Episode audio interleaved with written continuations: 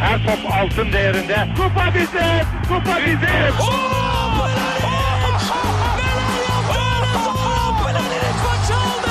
Dengeli de attı.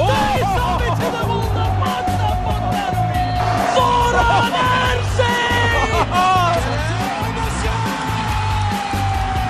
Dışarı çıkardı. Geldi, geldi, geldi.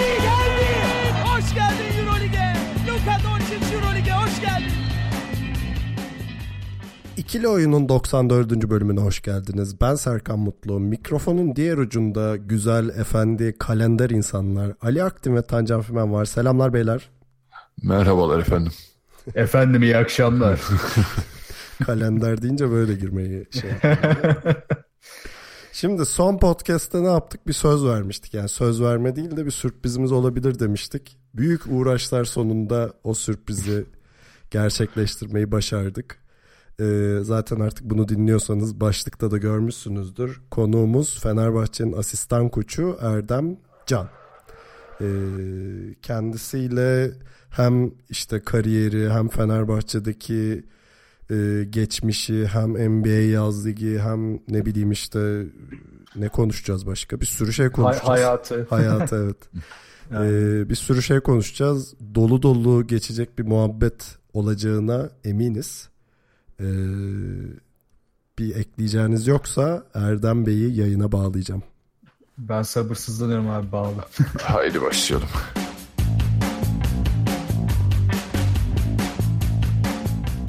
İkili oyunu dinliyorsunuz. Fenerbahçe asistan koçu Erdem Can konuğumuz. Erdem Bey hoş geldiniz ve çok teşekkürler davetimizi kabul ettiğiniz için. Merhabalar. Ben çok teşekkür ediyorum sizlere. Ee, bu güzel sohbet ortamını yarattığınız için çünkü birkaç ayrı şeyde takip etme fırsatı buldum. Keyifli gerçekten. İçinde olmak da çok güzel olacak benim için. Harika. Bu arada biz geçen yani son podcast'te işte iyi bir konuğumuz olacak falan dedik.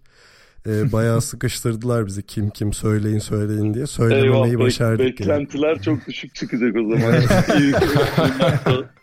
Yarısı tanımayabilir yani kim bu Bence adam tam tersi. Genelde tam tersi. O biz... arkasındaki bıyıklı diyenler o yüzden hani ya açıkçası hani, biz isim siz... vermektense böyle girebilirsiniz ya. Evet, Obradovic'in arkasındaki bıyıklı konu. ya açıkçası sezon içi yayınlarında bir, birkaç kere hani sizin saha içindeki etkilerinizi falan konuştuk. Hani o yöndeki gelişim falan. Bence bizim podcast'i dinleyenler az çok sizi tanıyordur. Eyvallah. Ama eyvallah. bilmeyenler için evet Obradovic'in arkasındaki bıyıklı.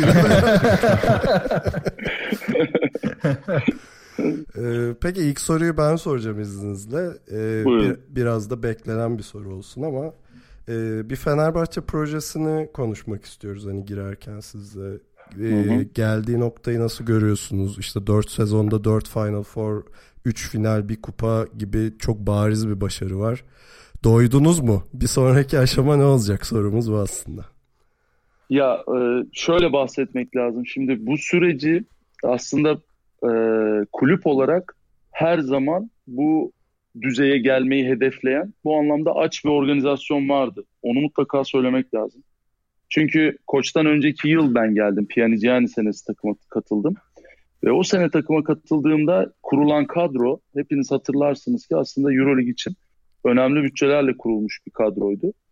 Ee, ama eksik olan noktalar tabii ki bana sorarsanız o gün eleştirisini yapayım. Takım kimyası e, vizyon ve e, her şeyden önce başarıyı elde etmekten önceki basketbol kültürüne oturma anlamında e, yapılacak faaliyetlerdi. Bunlar bence yapılmamıştı. O yüzden de e, o, o süreç ilerlemedi. Ama koç geldikten sonra e, ilk sene bir sıkıntı yaşadık hepiniz biliyorsunuz. O sıkıntının da nedeni aslında tam söylediğim şey. Yani bu basketbol kültürünün organizasyon içinde oturması e, ve doğru kimyanın takımda yaratılması. O süreci ben o ilk yılla geçtik diye düşünüyorum. Zaten hem Eurolig'e hem de e, Türkiye Ligi'ne de diğer senelerdeki performansımıza kıyasla bakarsak zorlanarak elde ettiğimiz bir şampiyonluk e, ve Eurolig'de de diğer sezonlarla karşılaştırırsak açık ara başarısız bir sezon geçirdik. Ama ondan sonra o kültürü oturtma, takım kimyasını oturtma anlamında, organizasyonu geliştirme anlamında hamleler yaptıkça da bu e, süreç bize bir takım sonuçlarla geldi. Şimdi benim için önemli olan benim kendi bakış açımdan bir Türk koç olarak söylüyorum. Bizim her zaman bu seviyenin içerisinde kalabilmemiz. Dolayısıyla hani 4 senede e, oynadığımız 3 final, e, kaçırış şekillerimiz, o finalleri bir şampiyonluk ama ondan daha önemlisi o kültüre sahip bir takım olarak uzun süre buralarda kalabilmek. E, siz de biliyorsunuz yani 2 sene üst üste kazanmak çok büyük bir başarı. 3 sene üst üste kazanmak yani e, akıl üstü bir şey şu anda. Dolayısıyla asıl iş o kültürü elde etmek, doğru kimyayı kurmak ve doğru organizasyonu geliştirmek. O yüzden biz her zaman açız bu konuda o kesin. Ee, ama önemli olan o organizasyonu doğru anlamda tutup doğru hedefleri e, beraberinde götürebilmek. Bir röportajınızı okudum geçenlerde işte ufak araştırma yaparken. Hı hı. Ee, Euroligi kazandıktan sonra şey diyorsunuz Obradovic'in yanına gülerek gittiniz. Obradovic'in de ne gülüyorsun sadece bir kupa kazandık dediğini anlatmışsınız. ya, o kadar da bozmuyor beni yani. Yok gülüştük biz orada yani hani e, ertesi gün Tofaş maçımız vardı hatırlıyorum ben. E, playoff maçımız vardı. Ondan sonra çok mutluyum tabii. Ben de hani ilk defa böyle şey. Adam 9 defa kazanmış.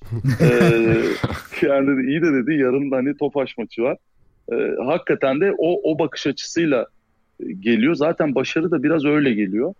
Ee, biz de bugüne kadar aslında başarılı olmamızın nedeni bence zaten öyle yaklaşmamız. Daha önce de ben anlattım bunu. Yani e, hep beklentileri yüksek tuttuğu için koç, tatmin düzeyi az olduğu için e, herkes de bir üste kendini hazırlamaya çalışıyor. E, dolayısıyla da bu paralelinde bence e, başarıyı getiriyor. Açlığı da bu, bu sağlıyor. Yani hani tatmin olmaya meyilli insan grubu olabilir mutlaka organizasyon içinde ama lideriniz bu tavırda olduğu sürece siz de hani bir uyarılıyorsunuz ve kendinize geliyorsunuz.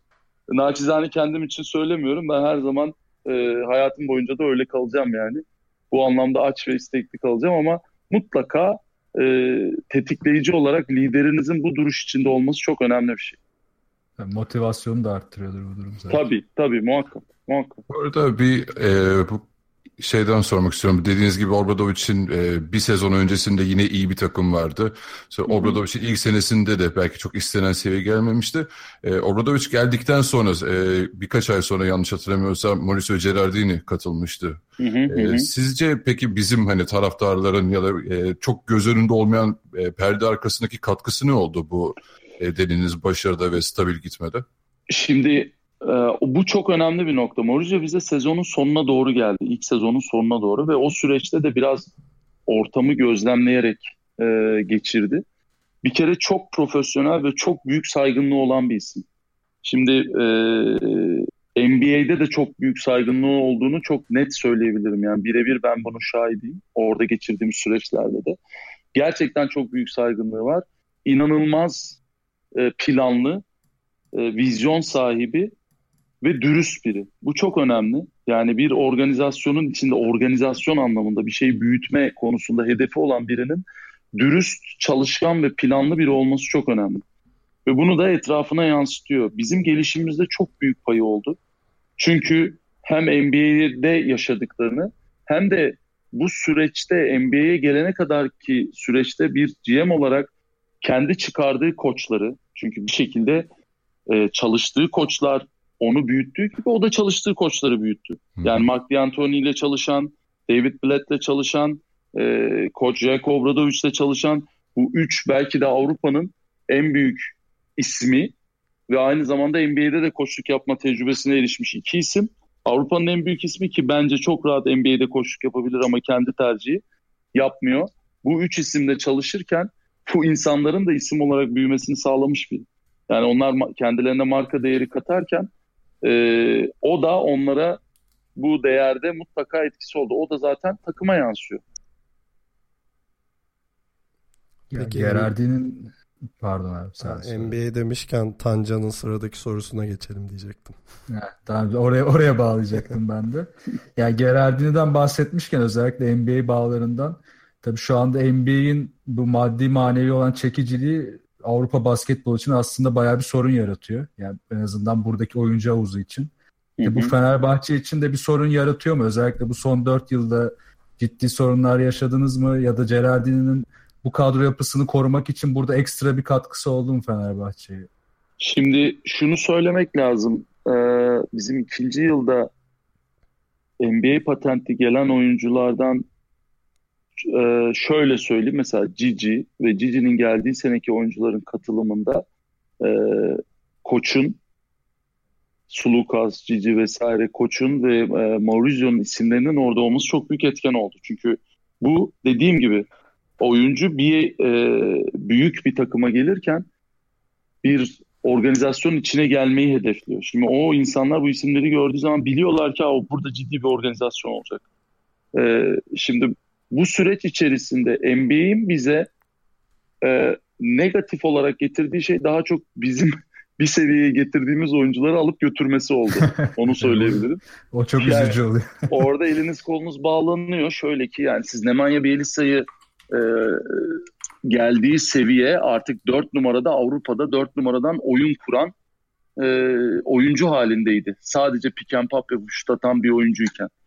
E, Bogdanovic'in geçirdiği 3 seneyi biliyorsunuz. Yani bunları tekrar tekrar konuşmama evet. gerek yok. Ama bu süreci geçirirken bu oyuncuların oyuncu olarak büyümesi bizim de bir takım onlar oyuncu olarak büyürken tabii ki onların yokluğu halinde organizasyon teknik anlamda e, oluşacak boşluğu da büyütüyor. Dolayısıyla o kadar büyük boşluğun içini doldurmanız gerekiyor. Ee, e, onun içini doldurmak için Avrupa'dan çok fazla hamle yapamıyorsunuz. Çünkü yaptığınız hamleler zaten yapabileceğiniz düzeydeki hamleler NBA'ye giden oyuncular oluyor. Bu anlamda da NBA bizi bağlıyor. Dolayısıyla da bizim yaptığımız şey daha çok NBA'de belli seviyede olan bizim kendi teknik analizlerimiz içerisinde bizim sistemimize uyacağını düşündüğümüz, e, step up yapabileceğini düşündüğümüz oyuncularla ilgilenmek oluyor. Hayır, bunların hepsinde çok başarılı oluyor musunuz? Tabii ki bu bir süreç. Zaten %100 başarıyla hiçbir organizasyon çıkmıyor işin içinden. Önemli olan doğru parçalar halinde sizi başarıya götürecek organizasyonu yaratmak. Ee, o anlamda hani NBA'in bize zarar verdiği ya da bizi zorladığı nokta oyuncu alırken ve oyuncu giderken bu, bu düzeyde diyebilirim. Peki burada e, mesela Yudo'nun tekrar NBA'ye dönmesi, işte Bielisa'nın e, gitmesi, Bogdanovic'in gitmesi artık hani bizim buradaki bakış açımıza göre artık Fenerbahçe bir vitrin oluşturuyor NBA için. Hı hı. E, oraya gidecek oyuncular için özellikle. E, peki siz de e, artık yazları Amerika'ya gidiyorsunuz. Sizin gözleminize göre peki artık bu Fenerbahçe'nin oradaki bilinirliğini iyicene arttırdı diyebilir miyiz? Mesela dediğiniz gibi step up yapmak için e, isteyen oyuncular için ya da siz e, Amerika'dan bir oyuncu almak istediğinizde bir, bu size bir kolaylık sağlıyor mu bu artık bilinirlik olma, olması? Şimdi e, şöyle bir örnek vereyim size. Bu, bu yıl gittiğimde oradaki bir antrenör kliniği vardı. Orada da konuşma fırsatım oldu. Ve oraya 6-7 tane NBA baş antrenörü geldi. Hı hı. Ve 6-7 NBA baş antrenörü bizim ne söylediğimizi Maurizio ve ben konuştuk. Onun dışında Scariolo ve e, Igor Kokoşkov da vardı. Ama söylemek istediğim şu Avrupa ekolünün ne söylediğini dinlemeye geliyorlar. Şimdi biz bize yaklaşımları e, bunu birinci ağızlardan duyduğum için söylüyorum 31. NBA takımı gibi bakıyorlar. Bunu söyleyen head coachlar. Yani dolayısıyla biz belli bir noktaya geldik. Buna gelirken ama tabii ki yaptığımız şeylerin etkisi oldu. Yani oyuncuların yükselmesi, Ekben'in e, şimdi Ekben'in hikayesi farklı, James Nunnally'nin farklı. Ee, onlara girersek çok uzun hikayeler olacak ama yani o geçirdiğimiz süreçleri de biz biliyoruz. Yani insanla dışarıdan aldığımız tepkileri, ilk bu oyuncular geldiğinde e, NBA'den aldığımız tepkileri ben e, birçok NBA'deki antrenör arkadaşımla konuştuğumda yüzde sekseni bana Avrupa'da çok başarılı olmaz bence dedi Ekpe için. Yani biz bunları da göz önüne alarak yani kendi e, değerlendirmemiz içerisinde getirip oyuncuyu bir yere getirdiğimizi düşünüyoruz. Dolayısıyla da bunu diyen antrenörler bu oyuncularda gelişimi gördükçe de bize olan saygıları da artmaya başladı. Zaten Koç Obradoviç orada çok biliniyor ancak e, şöyle orada tabii insanların anlamadığı bir şey var. O bilinirlik e, NBA'de biraz farklı. Ya orada da başarı var vesaire. Ama Avrupa basketbolunu çok takip eden e, koçlar dışında bu kadar girift bizim ne yaptığımızı bilmiyorlar. İşte bu gelen koçlarla e, ben inanıyorum ki daha fazla bizim oradaki etkinliğimiz artacak. Ama e, günün sonunda 31. NBA takımı da sizsiniz yaklaşımını yapmaları oyuncuların gelişinde de tabii ki bizi etkiliyor. Sadece şunu bilin biz buraya gelen oyuncuların birçoğuyla orada Maurizio ile beraber oturup birebir görüşme yapıyoruz. İzah ediyoruz biz neyiz, nasıl bir programımız var, ne oluyor diye. E, dolayısıyla da orada bulunmak, Fenerbahçe olarak isminizin orada geçerliliğinin artması önemli.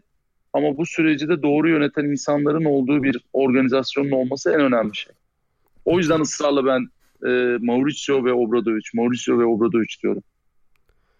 Peki az önce Bunda... şey dediniz hani Amerika'dan e, gelen ve işte bir seviye atlamasını beklediğimiz oyuncular bazen başarılı oluyoruz bu tercihlerde bazen başarısız hani şimdi isim vererek söylemeyeyim ama işte biraz bazı isimler var Bennett Thompson ama onun yanında Udoh da var şimdi de Tyler Ennis e, geliyor yani geldi. Hı hı, hı. E, bu seçimleri yaparken en çok nelere dikkat ediyorsunuz ve hani uyum sürecini başarılı geçirmeleri için özel olarak hani hangi noktalara bakıyorsunuz?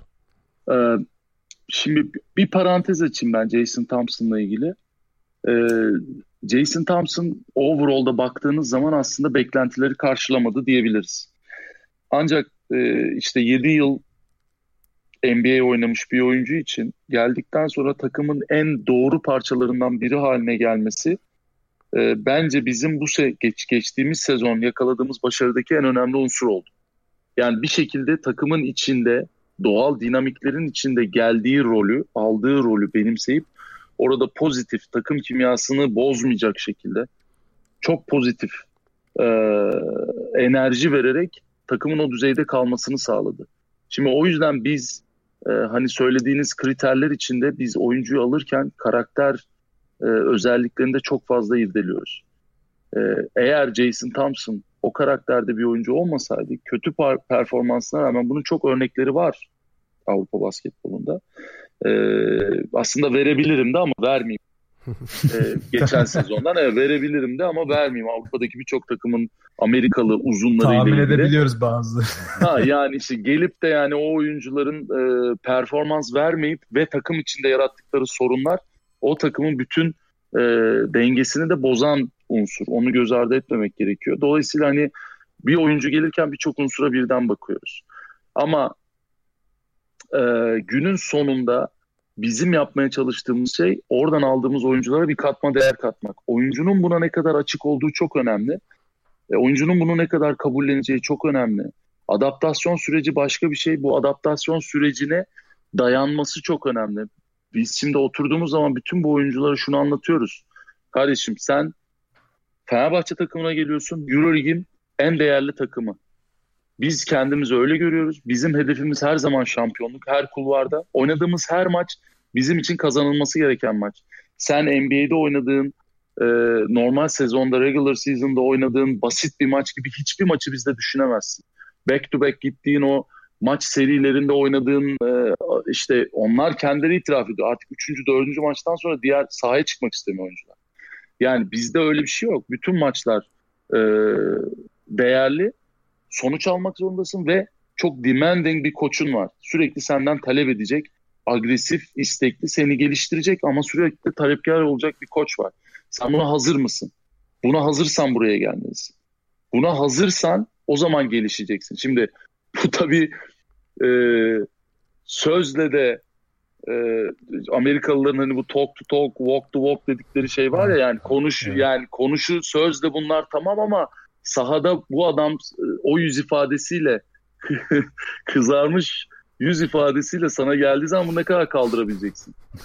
Şimdi bunlar gerçekten önemli dengeler. Yani evet. sen oyuncu olarak bunu biz bunu önceden söylüyoruz. E bu oyuncu alırken gösteriyor musunuz? Bakın bu adam böyle. Onlar artık Google'a girip kendileri bakıyorlar onlar. Ama e, gerçekten günün sonunda oyuncu buna hazırsa bunu kaldırabiliyor. O yüzden söylüyorum bazen oluyor bazen olmuyor. Biz hazırlıyoruz her şekilde oyuncuları. İnanın hazırlıyoruz. Ama teknik anlamda bir takım değerlendirmelerimiz var. Oyuncular alıyorsak bizde mutlaka bir takım iyi yönleri var. Ama Önemli olan oyuncular buraya geldiklerinde psikolojik olarak buna hazır olacaklar mı ve çalışma ritmi ve isteği olarak hazır olacaklar mı? E, üçünüz de hatırlıyorsunuzdur. Epe Yudoh'un geldiği ilk iki buçuk ayı. Evet. O ilk iki buçuk aydaki yorumları, insanların e, eleştirilerini biz Bazı, yani bazı ünlülerin yorumlarını da hatırlıyoruz. yani yani hatırlayın dönün bakın ama o e, biz onunla bireysel çok fazla çalıştık, çok izah ettik, anlattık, koç konuştu vesaire vesaire vesaire ve sonunda e, çok büyük reaksiyon aldık oyuncudan. Şimdi bu tip örneklerin de olabileceği o dolayısıyla oyuncunun biraz karakterine kalıyor. Mesela biz Anthony'de onu alamadık. Onun zaten belki de kariyeri boyunca en büyük sorunu oldu. Hiçbir zaman ısıran adam olmadı. Ee, belki de onun için kötü olan birinci sıradan draft edilmesi oldu. Hı, belki daha aşağılardan olsa ısırmak zorunda kalabilirdi. Yani hani ısıran adam olmadığınız sürece buralardan çıkmanız çok kolay değil. Ee, yani bizim değerlendirme bilmiyorum sorunuza yanıt oldu mu bu? Hı hı. Belki biraz uzun konuşuyorum. Kusura bakmayın kesin beni arada. Biz Çok memnunuz. Yani bütün gün konuşun. Hiç sorun değil. Eyvallah. Ben bir benzetme sokacağım araya. Biz bir Buyurun. e, geçen sezonki yayınımızda yap- demeyin. yok yok. Yok yok. Yani Fenerbahçe'yi değerlendirirken özellikle sezon ortası değerlendirmesiydi sanırım. Ee, Avrupa'nın San Antonio Spurs'u dedik. Bilmiyorum katılır mısınız buna ama. Ya aslında e, bizim belki de öyle şöyle aslında değerlendirmek lazım. Yani oyuncuların oyun bilgisi açısından mı söylüyorsunuz? Seçtiğimiz oyuncular açısından mı? Oyun sistemi mi? Koçun Şöyle. oyunculara yaklaşım mı? Organizasyon mu? Hani birçok şey var orada. Şöyle bu aslında organizasyon. Her şeyde söyleyebilirim aslında. aynen aynen aslında evet, hemen hemen hepsi var. Yani bunların hepsinde birer parça bence var. Ama e, overall'da e, Spurs'un içinde bulunduğu dinamiklerle sizin bulunduğunuz dinamikler çok aynı olmuyor. Yani e, şöyle söyleyeyim hani bir örnek vereyim. Biz geçen sene Final Four final oynadık. Final oynadıktan sonra e, kaybettik finali Real Madrid'e. Geldiğimizde e, burada şöyle bir şey vardı ya yani Allah sizi kahretsin kazanamadınız bunu. hani yani hani- evet ya. ya tuhaf. ama öyle değil ki yani Türk basketbol tarihinde hani dördüncü Final Four, üçüncü final. Bunu da işte biz tamam kötü oynadık sonunda falan bir şey yani konuşacak, analiz edecek çok şey var. Ama öyle değil hani buralardayız hep. Hani hadi bir sonraki maça full olalım. Hani bunu kutlayalım falan. Anlatabiliyor muyum? Yani hani Tabii. işte kültür, bunun oturması, bunun sindirilmesi başka bir şey. Yani bizim onu ona edinmemiz lazım. İşte organizasyon anlamında da hani benzerlikler var. Ama organizasyon anlamında da bizim buna çalışmamız lazım. Buna taraftarımızı ben suçlamıyorum yine. Çünkü buna hazırlamamız lazım. Yani biz hep Evet. buraların takımıyız ama buralarda oluruz, kazanırız, kaybederiz. Ama biz buranın takımıyızı e, biraz e, hani çok da uçmayalım hani NBA evet bir sürü takımla kıyaslayalım ama gidecek çok yolumuz da var hakikaten. Peki e, başta konusu da açıldı. Oyuncuların Fenerbahçe'ye geliş kriterlerini konuşmuşken Bielsa ile gerçekten bir flörtleşme oldu mu yoksa bir basının hype'ı mıydı bu? Ya biraz yani flörtleşme şöyle o günün koşullarını biraz değerlendirmek lazım. Bielisa haberleri çıktığı zaman biz e, Laverne'le anlaşmış durumdaydık. Hı. Nikola Meyle zaten kadromuzdaydı. Yan Veselimiz vardı. Ahmet Düverioğlu ki geçen senenin bence e, birçok noktada X faktör oldu bizim için. E, uzun rotasyonunda. E, Laverne gibi daha çok yönlü bir uzuna sahip olduk rotasyonumuzda. E, Gigi, Datome ve Kalinic gibi dört numara oynayabilen uzunlarımız varken hani böyle bir frontline'a sahipken e, Nemanja isminin ortaya çıkışı e, çok bizle doğru orantılı bir şey olmaz diye düşünüyorum yani. Hani e, mutlaka biz onu çok seviyoruz. Olması bize e, mutlaka katkı sağlar ama zaten rotasyonunu tamamlamış bir takımın o günün koşullarıyla kalkıp da tekrar bunu gündeme getirmesi e, bence çok yerli yerinde bir duruş olmazdı. Yani en azından bizim takım yaratma, bizim kadro kurma stratejimiz de çok paralel giden bir durum değil zaten. Hani fotoğraftan şöyle geriye çekilip bakıldığı zaman. Evet, Böyle söyleyebilirim kalabalık. yani. Anladım. Peki ben ekşi sözlükten bir entry okumak istiyorum. Aslında benim de gözlemlediğim bir şeydi ama biri şöyle bir şey yazmış. Ne dersiniz diye soracağım. Şöyle diyor. Fenerbahçe erkek basketbol takımında sahada saçmalayan bir oyuncuyu oyundan çıkarken iki dalga karşılama bekler. Birinci dalga Obradovic'in ben sana ne yapıyorum sen ne anlatıyorum sen ne yapıyorsun şeklindeki fırçası. İkinci dalga ise Erdem Can'ın üzme canını hallederiz şeklindeki tesellisidir. Bu gerçekten böyle mi? ya, şimdi şöyle tabii oradaki ifadem belki hani üzme canını hallederiz sıkma canını gibi bir görünüyorsa da aslında olay öyle değil. Şimdi şöyle bir şey yaptık biz sezon bittikten sonra bilmiyorum biliyor musunuz ama bizim e, TÜBAT bu yıl gerçekten çok çalışıyor. Aydın abi ve Çetin abiden sonra gerçekten orası çok e, başka bir yere sıçramış gibi görüneceğim ama konu oraya gelecek. Çok ciddi organizasyon yapıyorlar ve bizi de davet ettiler sağ olsunlar. Bir uluslararası antrenör semineri vardı. Ben katıldım. O antrenör, ha, katıldınız mı? O antrenör evet, seminerinde evet. şimdi bana farklı bir konudan yaklaşalım Erdem dediler. Aslında çok da yapılmamış bir şeydi. Yardımcı antrenörün fonksiyonu vesaire gibi bir başlıkla hani bugüne kadar çok yapılmamış bir şey. Ben de biraz farklı yaklaşmaya çalıştım.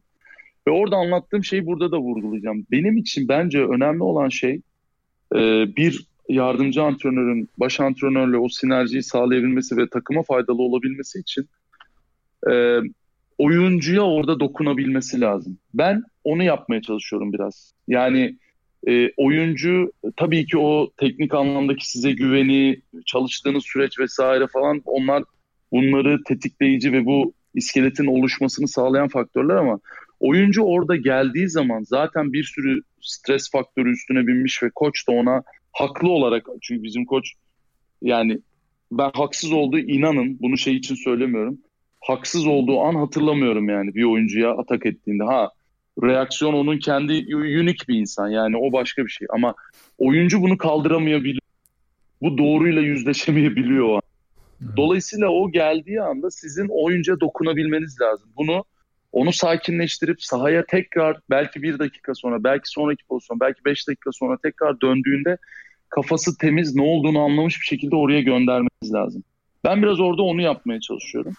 Bu e, elimden geldiğince orada oyuncuya dokunup yani olan durumu biraz daha izah etmeye, daha sonra olacakları anlatmaya çalışıyorum e, yapmaya çalıştığım şey o ama tabii görüntü nasıl bir görüntü yansıyor onu çok bilemiyorum tabii. Ben özellikle genç oyuncularla öyle bir iletişiminiz olduğunu fark ediyordum açıkçası.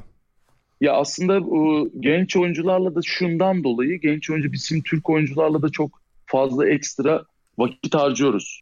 Ekstra idman yapıyoruz, izletiyoruz, konuşuyoruz.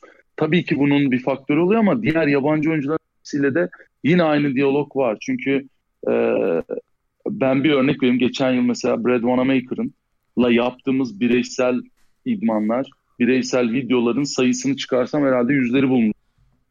yani o dolayısıyla da oyuncu size dönüp e, siz bir şey söylediğinizde dinleyecek e, marjı orada tanıyor hangi stres ortamında olursa olsun. Ee, peki o zaman buradan biraz e, sizin kişisel olarak kendi kariyerinize biraz e, yönelik sorularımız olacak. E, dinleyicilerimiz de belki sizi daha az tanıyanlar da daha çok fikir sahibi olabilir hakkınızda. Şunu sormak istiyorum. A takım seviyesine gelene kadar altyapılarda nasıl bir kariyeriniz oldu ve hangi takımlarda sırasıyla çalıştınız?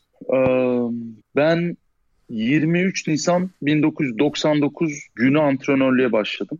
Hiç unutulmayan ee, bir tarih olmuş sizin için. evet, benim için unutulmaz. 23 Nisan 1999'a başladım. 19 yaşındaydım. Ee, aynı zamanda oynuyordum da basketbol. O tarihte Mülkiye Spor'da başladım Ankara'da. Ee, ikinci ligdeydi takım. Ben onun e, spor okullarından başladım. Daha sonra 2004 yılına kadar bütün kategorilerini en son bırakırken artık e, minik takımdan genç takıma kadar e, hepsinin antrenörlüğünü yapıyordum. E, orada yardımcılarım vardı vesaire. E, çalışıyordum. Sonra 2004 yılında Banvit takımına yardımcı antrenör oldum. E, 2004 yılından 2005 yılı, 2004 yılının sonunda Ted Baldwin geldi takıma. Gencer Baytimur antrenördü, ayrıldı. E, o sezondan sonra biz Ted Baldwin'le çalışmaya başladık. Ondan sonra da zaten 2006 yılında yani bir buçuk sene sonra 2006 yılında beni Yeni Zelanda milli takımına davet etti. Orada beraber çalıştık. Sonra da e, bir PAOK sezonumuz oldu Yunanistan'da yine asistan koç olarak.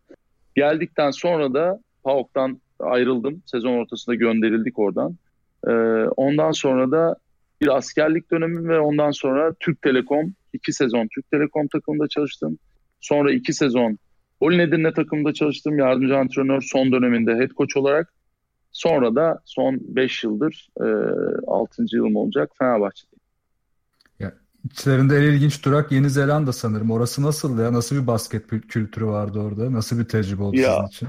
Aslında çok önemli. Şöyle hem e, yaşam tarzı açısından hem insanların hayata bakışı açısından hem de spor kültürü olarak farklı. Şimdi yaşam tarzı olarak bir kere Yeni Zelanda zaten bir ada. E, insanlar çok doğal ve düz çünkü çok fazla bir girift hayat koşulları içinde değiller. Dolayısıyla da hani e, başka şeylerin koşturmacası içinde değiller. Çok düz ve rahat insanlar.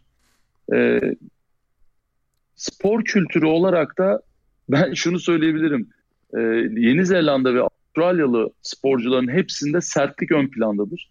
Çünkü rugby, rugby kültüründen gelirler. Tabii yani sokakta bizim hani kale kurup futbol oynayan çocuklar gibi onlar da Gördüğünüz zaten her taraf yeşil alan olduğu için gördüğünüz sağda solda bir topun peşinde birbirlerinin tepesine çıkan, kafa göz çarpan, e, dişleri dökülmüş, e, tırnakları düşmüş falan iri iri çocuklar görürsünüz. Yalnız Bunlar, her yer All Black.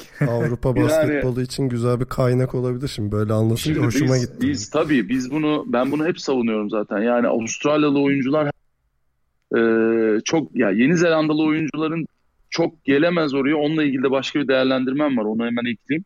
Ama Avustralyalı oyuncular bence önemli bir kaynak ve genelde de çok sert olur Avustralyalı oyuncular. Dediğim gibi bu kültürden geldiği için yani Yeni Zelanda'daki e, basketbol kültürü ilk şey basketbolda sert geri adım atmama olduğunu e, söyleyebilirim. İkincisi de o teble gelen bir organizasyon aslında.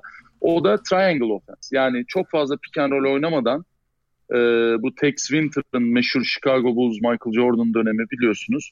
E, triangle offense'i çok fazla pick and roll oynamadan spacing kullanarak motion e, odaklı birçok oyuncuyu kullandığı sistem. Bunu daha fazla ki buna buna çok uyan oyunculara da oyuncu profiline de sahiptik. Yani Pero Cameron, Kirk Penny, işte Mark Dickel, Phil Jones yani o dönem gerçekten iyi bir kadro da vardı orada. Dolayısıyla hani oradaki basketbol anlayışının temelinde sertlik olduğunu ve teknik olarak da çok fazla roll oynanmayan bu triangle offense'in yattığını söyleyebilirim. Avustralyalı oyuncular bence Yeni Zelandalı oyunculara göre her zaman daha taf.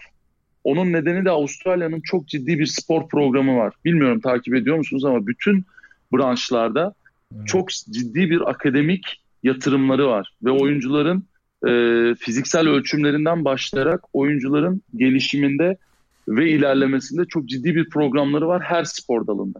Şimdi bu evet. program içinde büyüyen oyuncular o sertlik kültürüyle orada büyüyor. Yeni Zelanda'nın farkı ise oyuncular daha küçük bir ülke olduğu için ve bu programa da sahip olmadıkları için birazcık yeteneği olan oyuncular zaten NCAA'ya gidiyorlar. Dolayısıyla hani o sertlik vesaire falan onun içinden çok çıkmıyor oyuncular. Çıkan oyuncular o eski jenerasyondu zaten. O, o, o jenerasyonda aslında Pero Cameron vesaire falan aslında bitti. Sonrası da gelmedi pek.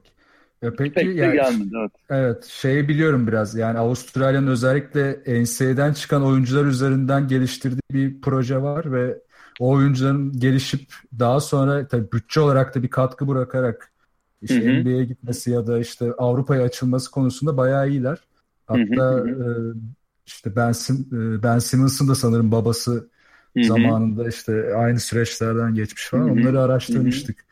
O yüzden Avustralya dediğiniz gibi bayağı iyi bu konuda. Peki PAOK'ta nasıl bir süreç geçirdiniz? Yunanistan yani Türkiye'ye yakın bir deneyim gibi duruyor dışarıdan ama tabii oradaki ortam alt sıralarda nasıl yani PAOK gibi takımda? Ya şöyle PAOK aslında şimdi o yıllar biraz daha belki daha fazla artık tamamen Olympiakos, Panathinaikos dışında hiçbir takımın olmadığı bir lig durumunda. Ee, işte 2006-2007 o sezonda biraz daha PAOK, AEK, e, Marusi vardı o dönem. Bu gibi hani üçüncü, dördüncü, beşinci belki altıncı sayabileceğiniz takımlar vardı. Ee, ama sıkıntı şuydu finansal anlamda çok sıkıntılıydı ve e, dediğim gibi her şey organizasyon yani çok gerçekten çok kötü bir organizasyon olduğu için biz e, aramızda konuşuyoruz madem şunu söyleyebilirim. Yani biz mesela sabah kalkıyorduk bir Amerikalı oyuncu gitmiş onun yerine başka bir Amerikalı oyuncu gelmiş aynı gün. yani hani adam gitmiş kulübün sahibi o arada menajeri aramış hadi birini getir diye ertesi sabah idmana bir oyuncu geliyor yani. Mükemmel. Şey, Yani bu şaka değil. İnşaata amele seçer gibi adam getiriyor. Hangi pazardan alıyorlarsa şeyde orada e, göçmen rıhtımı vardı. Belki oradan seçiyorlardı bilmiyorum. Adalardan topluyorlar. Tabii topluyorlar. Yani öyle bir durum vardı. İşte organizasyon olmayınca da bir de e, bizim TEB'le oynattığımız sistemde çok ciddi bir yaz sezonu hazırlığı gerekiyor. Yani siz yük- üst düzey bir Euroleague takımıyla vesaire falan çok da ya çok sabırlı olacaksınız ya da uzun bir hazırlık dönemine ihtiyacınız var. Yoksa çok başarılı olamayacağınız bir savunma ve hücum organizasyonumuz vardı. Dolayısıyla da e, o takımda bunu kullanamadık. Bu süreci geçiremedik. Mesela Banvit'te çalıştığımız süreçte biz e, yazın çok ciddi bir e, hazırlık süreci geçirip hatta ilk bir buçuk ayda çok zorlanmıştık. Türkiye Kupası'ndan elenmiştik vesaire falan. Sonra sezonun sonunu muazzam bitirmiştik. Makine gibi bir düzenimiz vardı hakikaten yani. O bütçeyle. E, dolayısıyla da hani bu koşullar organizasyon olmadığı için hani kimse ben kötüyüm demez ya ben şu an onu söylüyorum. Hani kovulduk ama biz kötü değildik yani. Onlar organizasyon olarak kötü. Yani tabii ki biz de saçmaladık ama yok yani fotoğraf öyleydi o dönem. Dayak yedik ama sen bir de karşı tarafı gör diyorsun. Tabii tabii bir de onlar ellerinde neler Ama var. şu dediğiniz çok doğru. Yani triangle offense diyorsunuz. Onu oturtmak zaten bir süreç ve çok fazla bilgiye dayanıyor. Yani oyuncuların bütün hareketlerini böyle adım adım bilmesi gerekiyor. Bir de Ama sabırlı olup yani. beraber oynamaları gerekiyor oyuncuların. Şimdi siz dediğim fotoğrafı düşünün yani. Bir tam aa bu iki seti öğren dediğiniz oyuncu gidiyor yerine başka bir tane geliyor. Yani işte Yani çok kolay bir süreç Sistem değil. yıkıldı. Evet, Evet, hiç, çok hiç kolay bir süreç değil.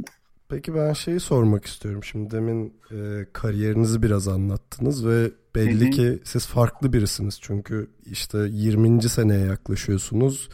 Evet. E, bunun çok büyük ezici çoğunluğu asistan koç olarak e, geçirdiniz. Evet. Bu Türkiye'de çok rastladığımız bir şey değil kesinlikle ama e, bu NBA'de çok gördüğümüz bir durum. Yani e, ama buna mukabil olarak da NBA'de asistanlar uzmanlık alanlarına göre çok daha değerler ve hani bilinirlikleri daha fazla oluyor. İşte demin atıyorum ismi geçti. Kokoşkov mesela ne bileyim Avrupa'da istediği herhangi bir takımda head coachluk yapabilecekken e, NBA'de bulunuyor. Artık bu sene e, head coach Hı oldu. hı.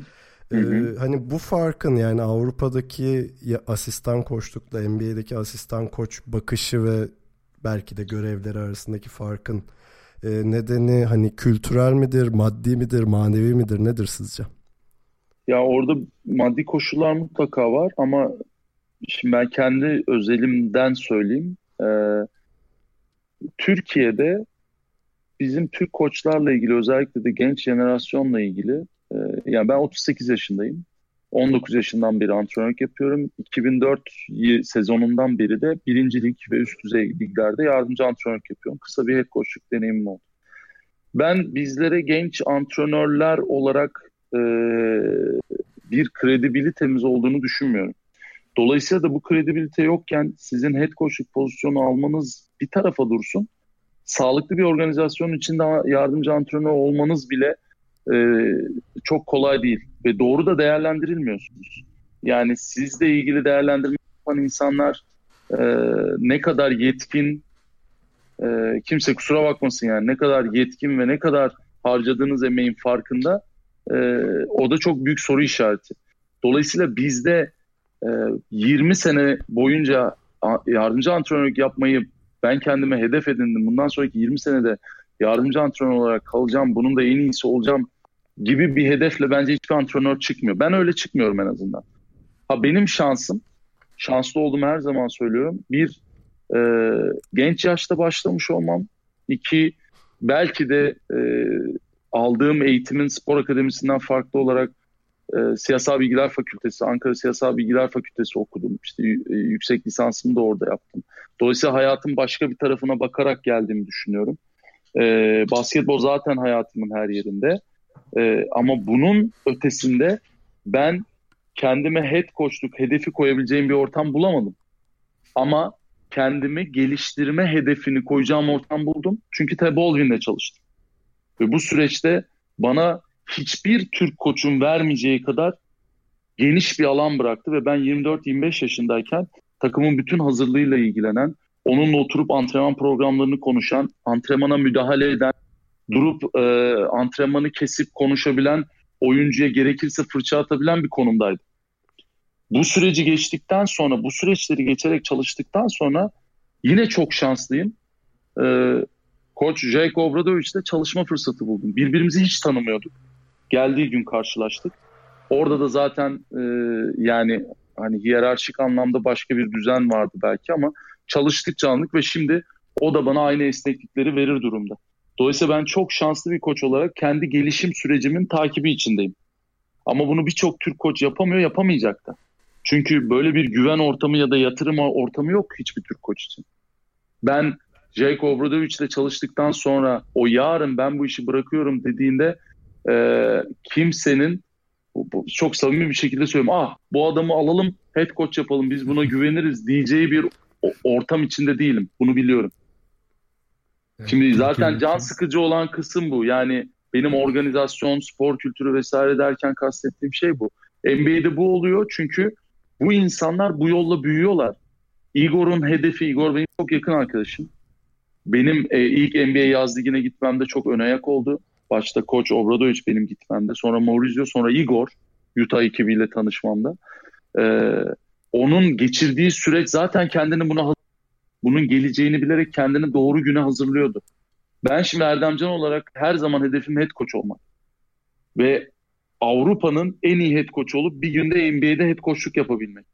Benim hedefim bu. Ama bu hedefe hedefi hedefi koyarım ama bu hedefe giderken ki süreçte önümdeki taşlar ne kadar açık, o yol ne kadar açık bilemem. NBA'de bu yol açık. Bu biraz daha clean path derler yani o olduğu evet. için o orayı tertemiz geçebiliyor ve o yol üstünde o koçlar inanın kendilerini değerli. Ya ben head coach olabilecek işte kritik anları çözme gücüne sahip miyim? Karar verme yetisine sahip miyim? Ben bunu handle edebilir miyim? Hayır olmaz o zaman e, ben bu, bu, bu bölümde kalayım. Ya da head coach oluyor. Head coachluk yaptıktan sonra size James Borrego örneğini vereyim. Şimdi Charlotte'ın head coach oldu tekrar. Evet. San Antonio'dan geliyor. Popovic'in yıllarca asistanıydı. Popovic'ten izin alarak Orlando Magic'e koç oldu. Sezonu bitirmeden oradan gönderildi. Ve ne oldu biliyorsunuz? Biliyor musunuz bilmiyorum. Hemen Spurs asistan koç olarak tekrar geri geldi. Hı hı. Aynen evet. Ve şimdi interview'da Messina ile o gittiler ve James Borrego'yu orası tekrar head coach olarak aldı.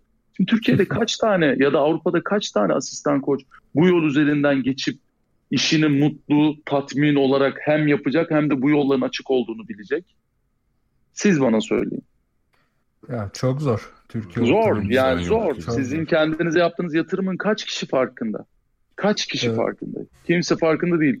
İnanabiliyor musunuz? Yani inanabiliyor musunuz? Siz yaz ligine gidiyorsunuz mesela çalışıyorsunuz e, yıllarca orada efor harcıyorsunuz. Ve insanlar şunu diyebiliyorlar. Ya yaz ligi aslında fake kardeşim. Orada oynanan maçlar aslında fake maçlar diyebiliyorlar. Yani bu konuya, bu konuya yaz ligi döneminde açıklık getireceğim. Birazdan geleceğiz oraya bölümümüz açık.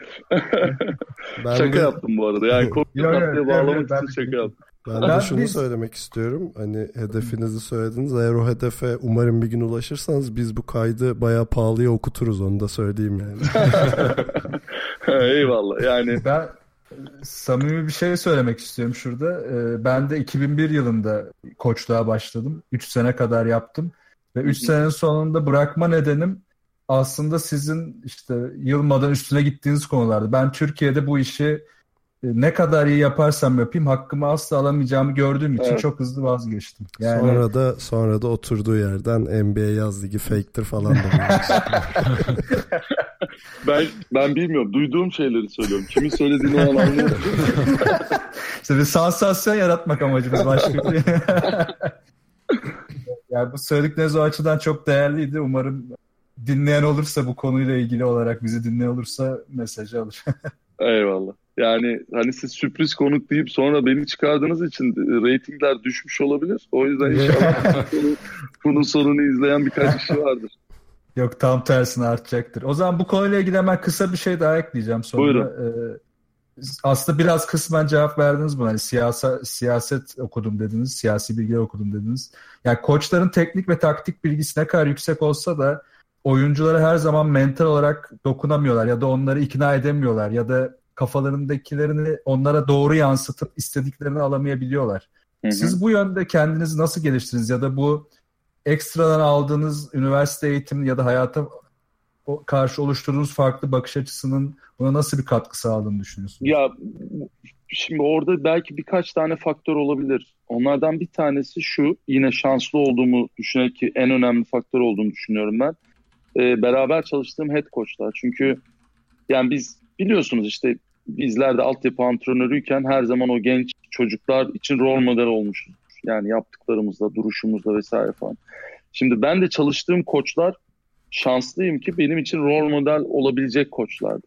Yani ne yapmaları, çünkü bazı koçlarla çalışırsınız ve ne yapılması gerektiğinden çok ne yapılmaması gerektiğini öğrenirsiniz. Onu da açıkça söylemeliyim yani. Ben o anlamda çalıştığım bazı koçlardan onu da aldım. Ama ben ne yapılması gerektiğini gördüğüm, oyunculara nasıl yaklaştığını gördüğüm benim için iki çok önemli koç var. Birisi Jayko Obradovic, diğeri de tekrar dönüyorum Ted Baldwin. Ee, ikisi de tamamen farklı kültürlerden gelen insanlar, farklı doğalara sahipler. Ama iletişim güçleri inanılmaz yüksek sporcularla. Hem onlar birey olarak değer veriyorlar. Yani o sahadan çıktığı zaman onun birey olarak değerli olduğunu hissettiriyorlar. Ki bizim bence en çok kaçırdığımız nokta o. Belki de Avrupa'da e, en çok kaçırdığımız nokta o. Biz birey olarak değer verme konusunda hata yapıyoruz sporculara. Yani bu tamamen bir bizim işimiz tamamen bir e, tam bir business değil. Yani ben bir müdürüm, altında da çalışan 3 tane ofis çalışanı var. Onlar bunları bana e, hazırlayıp bu iş öyle bir iş değil. Tamamen insanla e, ilgili, tamamen insan doğasıyla ilgili bir iş. Onu yönetebilmek lazım. O yüzden de hani benim gördüğüm bu iki koçtan edindiğim şeyler gerçekten e, çok sporcuya insan olarak değer veren ve dokunan insanlar. Siz sanıyor musunuz ki normal koşullarda Koç Jelko Obradovic'in bir oyuncuya verdiği tepkiyi başka bir oyuncu normal koşullarda kaldırabilsin. Onun arkasında bir hikaye yoksa. Koçun karizması, e, gücü vesaire bir yere kadar. Ama onun arkasında bir hikaye var. Onun arkasında koç o oyuncuyla çok iyi arkadaş. Koç oyuncuyla şakalaşıyor. Koç takımı alıp en kötü anda götürüp yemeğe götürüp orada insanları rahatlatıyor. Yani de, koç olarak yapmanız gereken şeylerle ilgili benim gözlemim bu insanlardan aldıklarım çok fazla. Peki biraz yorulduk. Kısa bir ara verelim. Bir soluklanalım. Ee, NBA yaz ligi ve diğer konularla devam edeceğiz. Peki.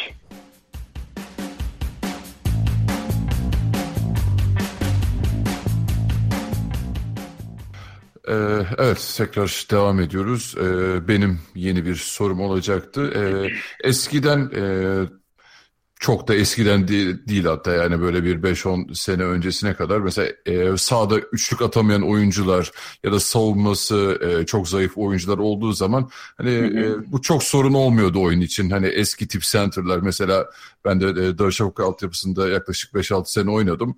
Hı hı. Ee, bizim mesela oyunumuza hiç böyle bir şut üzerine bize bir e, eğitim verilmedi e, antrenmanlarda.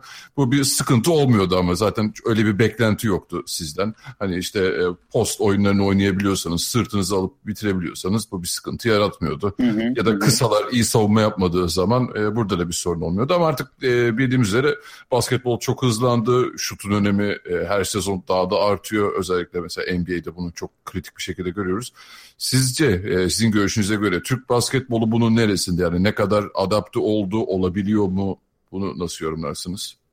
Ee, Şimdi ben şuna çok inanıyorum. Ee, bizim en büyük sıkıntımız Türk basketbolundaki altyapı sıkıntımız ve bu aslında e, bu hidayetlerin olduğu jenerasyondan sonra bence biraz da köreldi.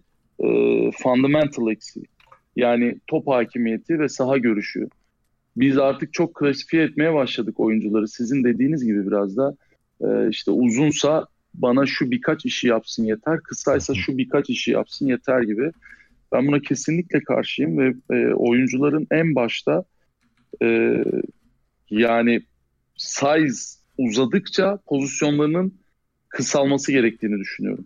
Yani bunu neredeyse psikopatlık derecesinde yapılması gerektiğini düşünen biriyim. Yani ben bizim altyapımızda şimdi çocuklar görüyorum böyle 2 metrenin üzerinde e, aşağı yaş gruplarında işte 13-14 yaş gruplarında. Şimdi 2 metre civarı çocuklar e, ve bu çocukların tek yaptığı şey uzun gibi oynamak. Onlara kesinlikle müdahale ediyorum ve kesinlikle ama kesinlikle gerekirse point guard gibi topa hakim olacak şekilde oynamaları gerektiğini. Bu yüzden biz 10 tane maç kaybedeceksek de kaybedelim. İstanbul Ligi kapsamında 35 maç mı oynayacağız? 35'ini de kaybedebiliriz abi. Hiç sıkıntı yok. Hiç sıkıntı yok.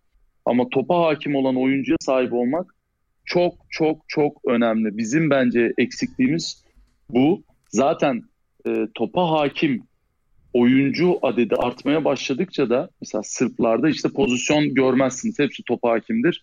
Sahayı görür, topu paylaşır. Litvanyalılar öyledir. Pas pas vermesini bilir, şut atmasını bilir, dribbling yapmasını bilir, handoff'u bilir, e, topsuz oyunu bilir. Şimdi bu oyunu oyna topsuz oyunu bir oyuncuya oynatabilmeniz için önce toplu oyunu bilmesi lazım.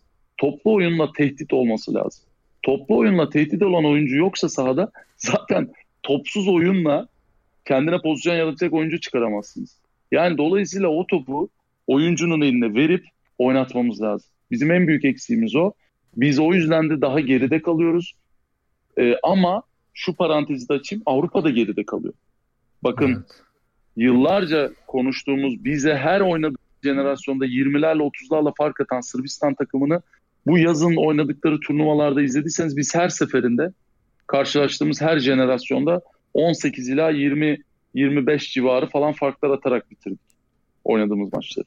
Ve tam tersi olarak Avustralya, işte Porto Rico gibi takımlar da biraz önde gözüktüler. Ben takip ettim Tabii. bu 17 Ama orada da işte fark ediyorsanız ball handler'lar, e, topa hakim uzun oyuncular çok fazla artmaya başladı. Şimdi Ben Simmons'dan bahsediyoruz, Dante Exum'dan bahsediyoruz. Bu çocuklar 2 metrelerin çok üstünde çocuklar yani. Evet. E, dolayısıyla bence Avrupa basketbolunu kısırlaştıran şey de o. Topa hakim e, oyuncu adedi. Bu arada tebrik ediyorum. Bu görüşünüzü çok modern buldum. Bilmiyorum Tancan sen ne düşünüyorsun bu konuda? Ben şu an ayağa kalktım alkışlıyorum abi. Diye sessizce alkışlıyorum.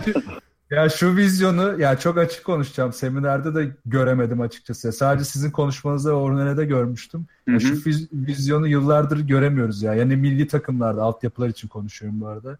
Ne de kulüp takımlarında. Umarım bunlar realde de hayata geçer ileride. Ya bu benim zaten kabul edemediğim şey e, başarı konusunda altyapılarda bu tür madalya kriterlerinin gelmesi. Mutlaka, mutlaka müsabakalar olmalı, mutlaka madalya olmalı vesaire falan ama kulüplerin bu tür beklenti içine girmesi kadar anlamsız, gereksiz e, yani bir, bir yere koyamadığım bir tavır daha bulamıyorum. Bizim bir örnek vereyim size. Bizim geçen sene yani bitirdiğimiz sezonda bir 2003 jenerasyonumuz var. Bu 2003 jenerasyonu bitirdiğimiz sezonda 7. bitirdi Türkiye 7.si. İstanbul 1 bitirdiler. Ondan bir önceki sene Türkiye 1 bitirdiler. Aynı jenerasyon. Aynı jenerasyonun içindeki oyuncular bir sene sonra takımın yarısı aynı size'da kalan e, atletizm olarak gelişemeyen oyuncular ve atletizm olarak ve size olarak gelişen oyuncular top hakimiyeti olmayan çocuklara döndüğü bir grup haline döndü ve yedinci bitirdiler. Bu kadar basit bir fotoğraf.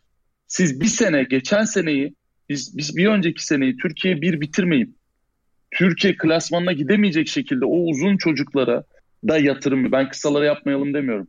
Uzun çocuklara da aynı şekilde yatırım yaparak geçirseydik biz o zaman bu sene zaten Türkiye hadi yine bir olmayalım. Türkiye 3-4 olurduk ama ondan sonra bir sonraki sene bizim elimizde A takıma direkt koyabileceğimiz oyuncular olurdu. Biz bu vizyonu göstermek zorundayız. Ben o yüzden bazı kulüpleri de eleştiriyorum. Bazı antrenör arkadaşlarıma da şakalaşıyorum. Ya açık konuşmayı seven biri olarak yani mesela aldıkları madalyaları falan koyuyorlar altyapılarda. Ondan sonra da diyorum ki siz bu madalyaları alıyorsunuz. Sonra da altyapıdaki oyuncularınızı atıp yerine işte ligde e, kazara 10 sayı averaj yapmış oyuncuyu alıyorsunuz. Çetin Yılmaz'ın bununla ilgili güzel bir sözü vardı. Bir antrenör ben diyorsa e, biz demiyorsa orada zaten başarı Evet. gelmez diye. Evet. Kesinlikle öyle. Kesinlikle öyle. Peki artık şu yaz ligine gelelim. NBA Fake Ligi. Evet. Öncelikle Tancan sen açıklamanı yap da bir sisteminden at Ya yani. şöyle ya o bir önceki kayıtta yaz liginin hani yaz liginde olan performansların normal sezona çok yansımadığını düşündüğümü söyledim. Ee, Öyle mi? Biraz ben daha bilmiyordum. Ha, tesadüf olmuş. işte bu Üst üste bindi bakın. İşte artık kim dediyse size fake diye ben de şey yapamadım. ya çünkü şöyle bir algı oluşuyor. Aslında biraz şundan söyledim. Şimdi Furkan mesela çıktı bir maçta 40 sayı attı.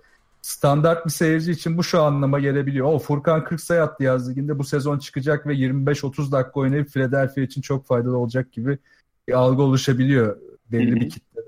Bunu Hı hı. aslında biraz anlatmak istiyorum ama biraz tabii detaya girmeyince evet fake demişim gibi oldu. O yanlış olmuş. Bu arada tam yanlış hatırlamıyorsam Furkan'ı konuşurken demiştin Aynen. zaten. O yüzden burada seninleyim Tancan merak etme. Ee, Teşekkür ederim. Ee, peki Erdem Bey, e, NBA'de 3 kere yaz ligi tecrübeniz oldu. Ee, Doğal Evet. olarak şeyi sormak istiyorum. Özellikle ilk gidişinizde en çok dikkatinizi çeken şey neydi ve Avrupa'dan çok farklıymış ya burası dediğiniz anlar nelerdi? Yani çok vardır ama belli başlı olanları sorayım. Ya ilk ilk gittiğimde e, mesela beni en çok şaşırt bir kere orada çok daha fazla çok daha geniş bir teknik kadro var. Orada yaklaşık 10-11 asistan koçun olduğu bir organizasyon var. Ve her antrenmandan önce neredeyse bir saat öncesinde e, bütün ekip toplanıyor ve antrenmanın her dakikasını not edecek şekilde e, program yapılıyor. Yani 3 dakika şunu çalışacağız, 3,5 dakika bunu çalışacağız, 4 dakika 20 saniye diğerini çalışacağız. 45 saniye mola vereceğiz. Bizde biraz daha şeydir bu. Ya tamam bu 3 dakika olur, 5 dakika olur. Duruma göre ben bunu 8 yaparım. Ee, olur 15 olur falan. Yani bu gerçekten böyledir. Hani işin doğası da böyledir. Aslında ben de buna inanan biri olarak söylüyorum. Yani çünkü o an yaşıyorsunuz onu. Takımın başka bir şeye ihtiyacı oluyor falan. Ama, Ama çok o da programlılar. bölüyorum. Buyurun. O da herhalde şundan oluyor. İşte yıldız oyuncu var. Ne bileyim ayakkabı sponsorunun reklam çekimine gidecek falan. Ona göre ayarlıyor falan filan. Herhalde Hayır, böyle ya bir dünya. O ya aslında öyle değil. Şöyle ki onlar birçok detayı farklı farklı çalışmak için programlıyorlar ve çok fazla biliyorsunuz NBA'de normal sezona gerçi biz EuroLeague olarak da yaklaştık ona. Normal sezona geçtikten sonra çok fazla vaktiniz yok. Her Evet. şeyi böyle bir Hı hı. e, uzun idmanlarla geçirmek gibi. Dolayısıyla her an çok efektif kullanmak zorundasınız. Birincisi bu. İkincisi de bu bana komik bir noktada komik gelen şeydi. Eleştiriyordum ama idmanlara girip çalışmaya başladıkça bunun verimli olduğunu aslında oyuncuların da buna konsantre kaldıklarını çünkü sürekli başka değişik e, alanlara yönlendirdiğiniz için oyunda oyuncu da başka şeylere konsantre olmak zorunda kalıyor ve tek düzelikten çıkıyorsunuz. Bu o anlamda bence bu faydası var. E, bir de başka gördüğüm bir şey tabii bireysel antrenman orada çok önemli. Şimdi biz burada oradaki 11 antrenman boşuna yok. Yani siz bir oyuncuyla e, normal antrenman içerisinde geçirdiğiniz bir buçuk iki saatten iki saatin dışında o oyuncular kendi rutinleri içinde her koçun sorumluluğu olan oyuncular var ve video toplantılarından bireysel idmanına kadar e, istatistiklerinin gelişiminin incelenmesine kadar bütün süreçleri beraber yaşayan sorumlu koçlar var. Ve o koçlar oyuncularla ilgileniyorlar. Dolayısıyla da bir sezon boyunca siz bir oyuncu oynamamasına rağmen, göreli olarak az süre almasına rağmen sezonun sonunda ya da başka bir e, takımda oynarken gelişmiş olduğunu görmenin nedeni bu oluyor. Şimdi Cedi'ye dönelim. Cedi benim çok sevdiğim bir oyuncu, insan zaten. Furkan da öyle. Ama Cedi'ye döndüğünüz zaman Cedi geçen sezon çok fazla oynamadı biliyorsunuz. Evet. Çok yani bazı maçlarda süreler aldı ama göreli olarak baktığınızda fiziksel gelişimi, oyuncu olarak gelişimiyle e, Cedi'nin geçirdiği süreç arasında fark var. Neden? Çünkü Cedi'nin başında bir antrenör var. Onun bireysel skill development coach dedikleri koç var. O koç Cedi'den sorumlu ve Cedi ile bütün o özel idman süreçlerini geçiyor. Şimdi oyuncu her an hazır. Furkan'ın geçen seneden bu seneye kadar e, sakatlık geçirmiş olmasına rağmen çok ciddi bir sakatlık geçirmiş olmasına rağmen 8 kilo kas kazanarak buraya geldiğini biliyor musunuz? Yani Şu anki fotoğraflardan tahmin ettik. Yani işte ama. Hani orada ne farklı? Orada farklı olan şey bu. Bireysel olarak oyuncunun üzerinde çok duruluyor. Oyuncu oynamasa bile fiziksel gelişimi ve e, skill gelişimi üzerine duruluyor ve oyuncu gelişiyor. Ha gelişmeyen oyuncu neden gelişmiyor? Bireysel disiplini yok vesaire vesaire. Onlar eleniyor zaten. Kendine iyi bakmıyor. Onlar zaten eleniyor. Onların hiçbir şansı kalmıyor. Ki Peki benzer hemen- sorun da aslında Hı hı. çok var orada. Hı hı, Tamam. Hemen araya şeyi sokayım. Hani bu değişik ortamdan Türkiye'deki işinize ne kadar neyi taşıyabiliyorsunuz diye sorayım. Şöyle e, ben aslında oradaki ortamdan hemen her şeyi almaya çalışıyorum. Mesela ilk ilk sene geldiğimde e, hemen Utah'ta gördüğüm bir şey vardı. Mesela e, rakiplerinin ve kendi istatistiklerini özellikle tutarak bununla ilgili bir skala yapıyorlar. Savunma skalası ve hücum skalası. İşte Türkiye Ligi'nde ve Euro Ligi'de onu hazırlamaya başladım. Biz savunmada belli değerlerde kaçıncı sıradayız? Euroleague'de bunu bulmanız daha kolay oluyor çeşitli internet siteleriyle vesaire ama e, şeyde Türkiye Ligi'nde kendiniz çıkarmak zorundasınız. Biz bunların hepsini hazırlayıp tahtaya soyunma odası kocaman bir board yaptık ve bunu sürekli koyuyoruz ve oyunculara kendimizi gösteriyoruz, hedef veriyoruz. İşte 3 sayıda 3 sayı teşebbüsü ve yüzdesinde kaçıncı sıradayız? Rakibimiz kaçıncı sırada? Savunma ve hücum anlamında bütün değerlendirmesini yaparak e, hareket ediyoruz. Bunları mesela aslında çok teknik bir şey değil. Yapısal, organizasyonel anlamda geliştirilmesi gereken bir şey ama onu onu kattık. E, o, oyuncu bireysel antrenmanlarıyla ilgili e, çok faydası oldu bana. Oradaki koçlarla onları gözlemlemem, onlarla driller olsun. Hani belli bir takım şeylere dikkat ediyorlar. O dikkat edilen noktaları buraya taşımak olsun.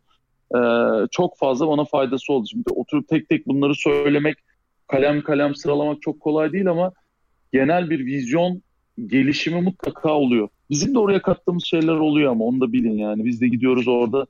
İnanın e, her gittiğimiz sene 5-6 saatlik e, toplantılar yapıyoruz. Yani ben Utah'ın staffıyla sabah girip akşam çıktığımız toplantılar oluyor. Sadece basketbol konuşuyoruz. Muhteşem yani. Quinn Snyder falan oluyor mu orada yoksa genelde asistanlar Tabii tabii tabii Evet, koç koç Quinn Snyder orada. O e, özellikle zaten hani tetikleyici unsur oluyor. Konu başlığı açıyor, talep ediyor. Biz de onunla ilgili her seferinde e, daha işte geçen sefer e, yaptık. Oraya Golden State'in asistan koçu katıldı. E, Memphis'in asistan koçu katıldı. Siz nasıl savunuyorsunuz? Switch'e karşı nasıl oynuyorsunuz? Biz nasıl oynuyoruz? Bence bunu yanlış yapıyorsunuz, eksik yapıyorsunuz. Siz nasıl yapıyorsunuz falan diye e, 6 saat bizim orada keyifle e, geçirdiğimiz bir süreç var. Yani bu çok çok çok önemli olduğunu düşünüyorum ben. Yani bunu işte birçok şeyle değişemezsiniz. Çok muhteşem bir şey. O zaman buradan bir duyuru da yapalım. Ee, yanlış görmediysem sizin klinik videonuzun videonuz e, Instagram hesabınızda var. Yani profilinizde. Evet, Evet, evet. Yani dinleyicilere iletelim merak merak edenler varsa oradan bakıp izleyebilirler. Yani evet o o e, o süreçte aslında işte siz de biraz ba- bahsettik belki ama yani yayında mıydık yayın öncesi mi konuştuk hatırlayamadım onu. Böyle 6-7 tane NBA baş antrenörü geldi. Şimdi 6-7 NBA baş antrenörünün olduğu bir toplantıda konuşmak, o toplantı bittikten sonra oturup onlarla basketbol konuşmak, akşam sizi yemeğe davet etmeleri, oturup basketbol konuşmanız, ertesi gün kahvaltıya davet etmeleri, basketbol konuşmanız. Hani bunlar önemli değerler. O yüzden orada olmak sadece hani yaz ligine gidip maçlarda orada oturmak katılıyorum. O aslında sası bir şey. Sadece görüntü gibi. O benim de çok sevmediğim bir şey. Ama e, onun yanında başka değerler var. Başka şeyler var. O o beni e, gelişimimize katkıda bulunduğunu düşünüyorum. Çünkü gelip burada biz de koçla tartışıyoruz. Orada öyle oluyor. Biz konuştuk bak böyle yapsak mı vesaire diye. Bize de katkısı olduğunu düşünüyoruz açıkçası. Ya arka planı bayağı dolu bu işin yani. Evet göründüğünden daha dolu diyebilirim yani. Orada sadece Vegas'a gidip ha, onu yapanlar da vardır mutlaka. Ama yani bizim, Kesin bizim vardır. öyle olmuyor yani. Şey gibi bayi toplantısına gider gibi yazdı. Evet. işte Ve çılgınca bazen- müzikler çalıyor falan. Evet bizde bizde öyle değil. Yani bir, bir noktada tabii ki biz de eğleniyoruz. O e, maçları izlemek güzel, insanlarla bir network ağ kurmak güzel ama günün sonunda e, asıl oradan elde ederek geldiğimiz şey ben kendi açımdan söyleyeyim daha farklı. Süper. O zaman sona yaklaşıyoruz. Ee, sona yaklaşırken biraz da hayatla ilgili bir, bir iki kısa sorumuz olacak. Evet Ya ya, basketbol- sıkıcı, sıkıcı konuları geçelim artık. Evet artık geçelim yani biraz hayatla ilgili biraz da böyle sonda bir seri kısa sorular soracağımız ve hızlıca bir bölüm olacak. Hı hı. Yani basketbol konusunda bir geek olduğunuz aşikar yani basketbol hayatınızın tamamı gibi. Ama basketbol dışında da böyle tutkunu olduğunuz özellikle ne durumda olursanız olun vakit ayırmaya çalıştığınız şeyler var mı? İşte müzik olur, sinemaya gitmek olur, bir kitap okumak olur, farklı sporlar Ya- olur. Ee, Ya basketbol dışında aslında çok fazla da bir şeylere zaman bulmak çok söz konusu değil. Gerçekten değil. Özellikle bizim işimizde. Çünkü her an onu düşünmek ve çalışmak zorundayız. Yoksa iyi iş olmuyor açıkçası. Bir iş çıkar ama iyi iş çıkmaz. O yüzden e, biraz hani onu oradaki yoğunluğumuz fazla. Ama onun dışında e, sinema, film izlemeyi, sinemaya gitmeyi diyemem çünkü ona vakit yok ama film izlemeyi seven biriyim. Ee, kitap okum, okurum. Ee, orada da aslında biraz belki hani okulumun getirdiği şeyle biraz daha e, dünya, güncel, yakın tarih, siyaset vesaire öyle şeyler okumayı seviyorum. Ee, bir de son iki senede özellikle olan bir şey var. O da koçun biraz beni zorlamasıyla olan bir şey. O da e, düzenli spor yapmaya çalışıyorum. Fitness, Evet. işte biraz ağırlık vesaire falan. Hani o anlamda başka bir spor derseniz o da hani ben hiçbir head coach'un asistanını spor yapmaya görmedim.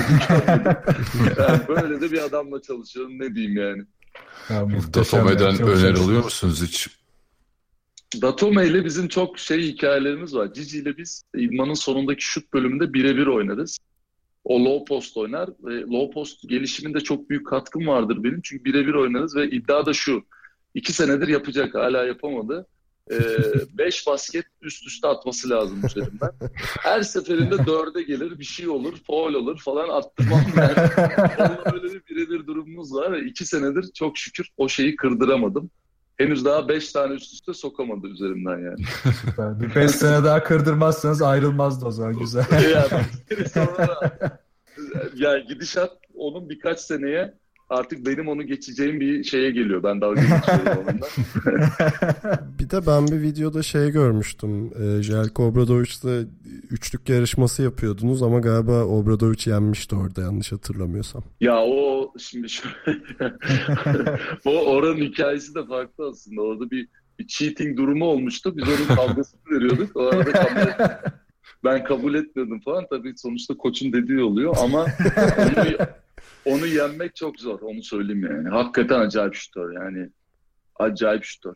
Ben Yani şey gördüm ya zaten- 3 sayı çizgisinden hook falan atıyordu en son. Tabii zaten ama e, oyun o. Yani geliyorsunuz geliyorsunuz son atışı 3 sayıdan hook'la sokmak zorundasınız. Ha, okey. Ancak öyle kazanabiliyorsunuz. Vay inanılmazmış. ya. Güzelmiş. Öyle yani. Ee, peki bir sonraki sorumuz e, bugün koçluk kariyerini bıraksanız ne iş yapmak isterdiniz? Mesela şeyi biliyoruz e, Koç Obradoviç'in bir Yunanistan'da bar açma e, hayali Evet. vardır. Sizin böyle bir e, hayaliniz ya da şeyiniz var mı? Tam karşıya başka bir bar açma. Türk bayrağını dikip karşıya atacağım ben nargile. Seri köz getireceğim. Yok benim benimki biraz daha farklı. Benim aslında e, yani her ya yazar olmak ya da heykeltıraş olmak isterdim açıkçası. Aslında ikisine de yeteneğim var mı bilmiyorum. Onu da söyleyeyim ama. Aa, süpermiş Şey, ama ya güzel. Ee, Değişik. ya yazar olmak ya da heykeltıraş olmak isterdim hakikaten yani. Ee, bunu bu daha önce düşündüğüm bir şeydi çünkü hep hayatımda. Ee, Hiç denediniz ama, mi? Yani heykeltıraşlık e, zor da yazma en azından. Oğluma şu oyun hamurlarından heykeller yapmaya çalışıyorum. Ee, böyle böyle başladım bakalım nereye gidecek. Süper. Umarım olur. Çok güzelmiş ya. Ee, peki iyice sona geldik. Artık böyle seri kısa soru dediğimiz hani belki de tek cümlelik cevap isteyeceğimiz birkaç sorumuz kaldı. Sonra Peki. sizi serbest bırakacağız. Biraz Ee, zamanınızı aldık ya biliriz. inşallah kulaklığım da kapanmaz. Böyle bir sesiniz de azalıyor bana. O yüzden hemen ben Ha. sorularınızı cevaplayayım. Tamam. Peki. Hızlıca bitirelim. İlk soru. Takımımda kesinlikle isterdim dediğiniz top yönlendirici. NBA olur, Avrupa olur. Ya ben aklımdan Chris Paul geçiyor açıkçası. Chris Paul Yani güzel. çünkü e, günümüz basketbolunda topa yön verebilen, pick and roll üzerinden karar verebilen e, o düzeyde guard e, skorer olmanın dışında topa yön verme dediğiniz için söylüyorum. Ben herhalde onu kullanırım. Ee, Okey bir sonraki sorumuz. Sanırım bunun cevabını herkes tahmin edebilir ama e, Fenerbahçe'de çalıştığınız en eğlenceli oyuncu kimdi? En eğlenceli oyuncu. Yani ben e, bilmiyorum kimdi derlerdi. Vallahi Ben- ben Dixon diye düşünmüştüm Ben Dixon açıkçası. derdi. Ben de Evet, Dixon Bobby Dixon. Bravo. Gerçekten Peki. öyle. Peki takımdaki en profes- profesyonel isim kim sizce? Şu anki takımı soruyorsanız ben e, Bobby Dixon derim. İnanılmaz Aa. bir profesyonel. Evet. Aa süpermiş. Peki, Siz Mesela cevabı ben ta- Aynen. Tahmin etmezdim. peki Yani size şu örneği vereyim. Heh, Bobby pardon. Dixon playoff süresi boyunca süre almadan oynadığı Baskonya maçı var mesela serisi. Ee, Baskonya serisinde oynamadığı günün ertesi günü sahaya gelip bir buçuk saat kendini öldürürcesine idman yaptı. Sadece bu bir örnek. Sadece o dakikaya hazır olmak için. Ve o dakika geldi Zagiris maçında. Hı hı. Evet. Final Four'da. Şimdi bu, bu müthiş bir profesyonellik örneği. Mükemmel. 34 yaşında bir oyuncu için. Yani Bobby için ben daha çok örnek verebilirim profesyonellik anlamda. O yüzden ben net onu koyuyorum oraya yani. Süper. Güzel bir cevap oldu. Teşekkürler. Rica ederim. Ee, peki e, bir sonraki sorumuz NBA'de desteklediğiniz ya da özel olarak takip ettiğiniz bir takım var mı? Hani tırnak içerisinde taraftar olduğunuz diyelim. Şimdi takip ettiğim iki tane takım var. Özel olarak takip ettiğim. Ee, bir tanesi Boston Celtics. Ee, Ali. Ali. Ee, ben de bizim üçlü arasında Boston'lı benim de Aa, öyle mi? Boston Celtics ve Golden State Warriors. Ee, onların çünkü offense, ritim ve spacingleri açısından çok özel ve, e, ve önemli organizasyonları var. İlham da veriyor açıkçası. Ee, ama taraftar olarak e, net bir şekilde Utah ve Phoenix Suns diyebilirim. Harika. Utah e, 90'lardan gelen bir sevda mı? Hayır, Utah beraber çalışmaya başladığım dönemler. 90'lardan e, sevdam benim Chicago Bulls ve Michael Jordan tabii ki. Güzel. ha, süper. Ee, peki güncel olan bir soruyu sorayım NBA'den gene. Son gelişmeleri takip etmişsinizdir işte Lakers'ın kadrosunun bir acayip bir hale gelmesi yani. Hı hı, LeBron'lar, Stephenson'lar, Rondo'lar. McGee'ler herkes orada. izleyeyim falan. Ee, işte Bir de doktor lazım onlara ama. işte e, Kawhi DeRozan takası var, Cousins'ın Golden State'e gitmesi vesaire. Hani bu son gelişmeleri bir nasıl görüyorsunuz ve hani şöyle Ee, diyeyim, şöyle iki- çabuk geçeyim ben tabii tabii onu. tabii. Çabuk yani geç. şöyle çabuk geçeyim. Ee, yani Lakers'la ilgili bence o tamamen bir franchise e, işi. Yani o business. Ben orada gerçekten acayip bir şampiyonluk hedefiyle bir şey. Tamamen e, bence LeBron James'e kendileri teslim etmeleriyle ilgili bir durum. E, ama ikinci kısım e, bunu birkaç koç arkadaşımla da tartıştım oradan. E, DeRozan e, Leonard değişiminde bence orada e, biraz kimyayı e, şeye kurban ettiler hedefe. Bence oradaki e, takım kimyasını bulmaları çok kolay olmayacak. Spurs için Beni mi diyorsunuz? Raptors için mi diyorsunuz bunu? Ha ben bağlantı gitti sandım da Yok, o yok. yüzden bir duraladım orada. Yo ben Raptors için söylüyorum bunu. Çünkü orada kimyanın üzerine bence bir isim getirdiler ki Leonard'ın oraya gelişi de e, geliş biçimi de bence geliş statüsü de e, bence oradaki kimyayı biraz etkileyecek.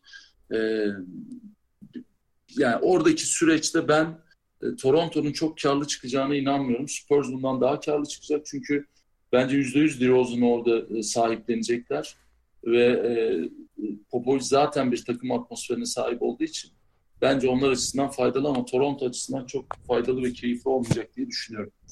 E, son olarak da Golden State ile ilgili e, Cousins zaten aralığa kadar yanlış bilmiyorsam düzelemiyor. Evet. Evet, yok. sakatlı. Oradan da nasıl Aralığa döneceği kadar de meçhul zaten. düzelmediği için de e, çok büyük bir takım kimyasında sorun yaratmayacaktır. Ama ondan sonra eğer istediği süreleri almazsa o, o da oradaki kimyaya zarar verebilir. Şöyle ki onun içinde tabii ki e, kendi içlerinde güçlü karakterler var e, Golden State'te.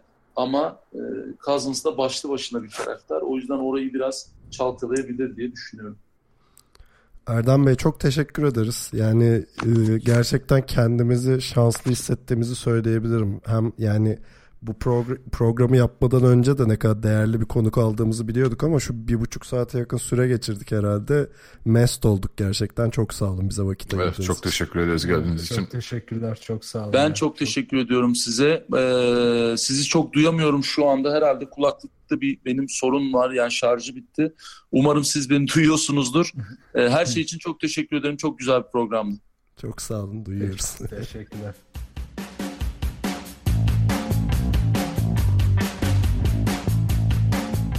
İkili oyunu dinlediğiniz için çok teşekkür ederiz. Erdem Can'la kendi adıma söyleyeyim harika bir muhabbet oldu bence. Gerçekten çok dolu dolu ve ne kadar modern ve gündeme e, dair fikri olan bir e, koç olduğunu bir kere daha gösterdi bence. Katılıyor musunuz çocuklar? Ya, kesinlikle yani çok kibar efendi yani işine ne kadar e, çok saygı ve tutkulu olduğu çok açık yani çok aşırı keyif aldım ben. Vizyon abi. Türkiye'de umarım böyle vizyonlu koçlar artar. Mükemmeldi. Ee, peki adettendir bize görüş, yorum, öneri, soru falan iletebileceğiniz kanalları hatırlatayım. Web adresimiz ikilioyun.com, mail adresimiz selam@ikilioyun.com. Telegram grubumuza bekleriz. t.me slash ikilioyun adresinde. Twitter'da ve SoundCloud'da ikili oyun takip etmeyi unutmayın. Yayınlarımızın Geek Yapar'ın YouTube kanalından ve Power FM'in Power App platformundan dinlenebildiğini bir kere daha hatırlatayım. Ee, Bir sonraki programda görüşene kadar kendinize iyi bakın. Umarım siz de bu sohbetten keyif almışsınız, almışsınızdır. Hoşçakalın. Hoşçakalın. Hoşçakalın.